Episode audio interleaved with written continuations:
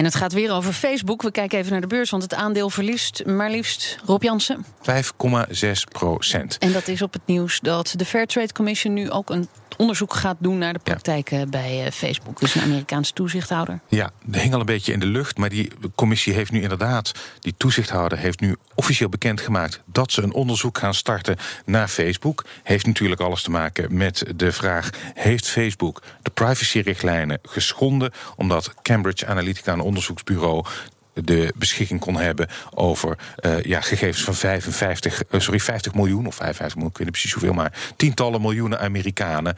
Um, uh, wat zij allemaal deden, wat hun voorkeuren waren op Facebook. Um, zonder dat die mensen daar direct toestemming voor hebben gegeven. Zuckerberg heeft al gezegd dat hij in die zaak fouten heeft gemaakt. Ik weet niet of dat een expliciete erkenning is van het feit dat ze de privacyrichtlijnen hebben geschonden. Dat zou heel erg uh, gevaarlijk zijn, want een overtreding kan per geval een boete opleveren van duizenden dollars. En dat zou dan misschien wel de nekslag kunnen worden voor Facebook. Dus um, dit wordt nog een hele interessante zaak. Kan grote gevolgen hebben. Deze toezichthouder kan dus flinke boetes opleggen per geval. Dus als dit niet goed afloopt voor Facebook, dan kan dat uh, behoorlijk in de papieren gaan lopen. En pagina grote advertenties vanmorgen ook, hè? In, ja. uh, in, in Britse kranten met excuses. Dat klopt, ja, omdat ze in Groot-Brittannië blijkt dat ze gegevens hebben bijgehouden van wie mensen hebben gebeld. Dus ook zeg maar niet wat je direct in Facebook doet, maar Facebook heeft ook toegang tot telefoonnummers. Ja. Ze hebben een soort logboek bijgehouden, eigenlijk jouw logboek van je telefoon. dus je belgegevens en je sms-gedrag. Daarvan waren gegevens opgeslagen. Bij Android-telefoons was dat zo? Android-telefoons, ja. klopt. Had met Androids te maken. Daarvan heeft Facebook meteen een blog geschreven...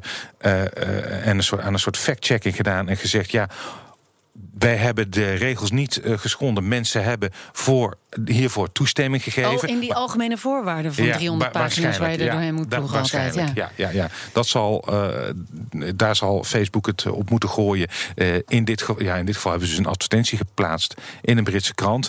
In Amerika. Het is toch ironisch dat ze in een papieren krant dan excuses moeten plaatsen? Ja, toch? ook dat. Maar het is. Voor een techbedrijf.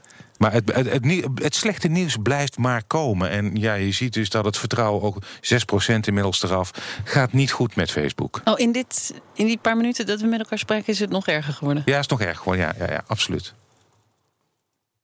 Nou, dan hoop ik niet dat je je geld in Facebook hebt gestopt afgelopen week, Rob.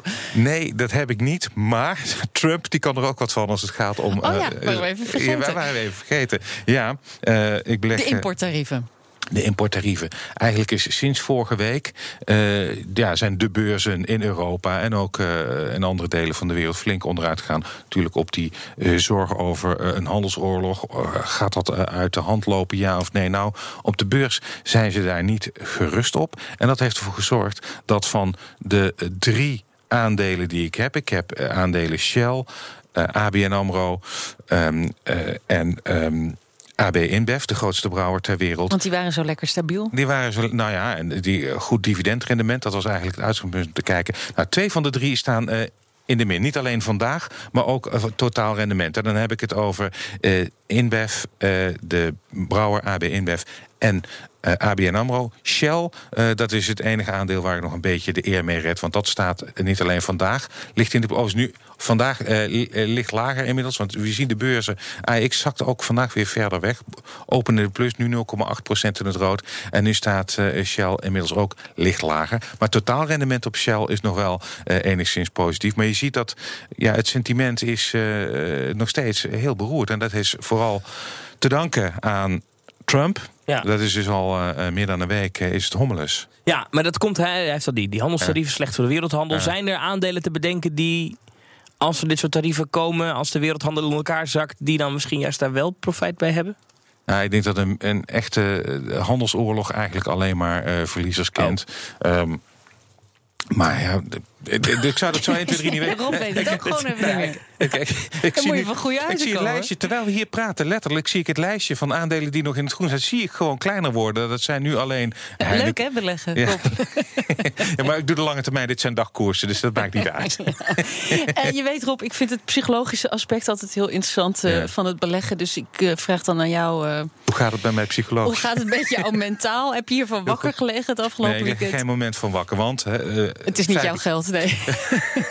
nee, dat is niet het punt. Maar de, het uitgangspunt is nog steeds verstandig beleggen op lange termijn. Dus kijken we niet naar dagkoersen. Ze zijn geselecteerd op dividendrendement. Die koersen die zullen wel weer aantrekken van wat ik heb gekocht. En dit kan ook een moment. op een gegeven moment kom je natuurlijk op een punt dat het echt interessant wordt. Dat aandelen goedkoop worden. Dat een goed in, moment wordt om in te stappen. Dus het, is, heeft niet alleen negatieve kanten, ook nee, nee. positieve kanten. Want wat is nu je volgende stap deze week? Nou, de, ik heb nog geen uh, uh, selectie gemaakt. Ik wil eerst nog even, zien, uh, even dit aanzien.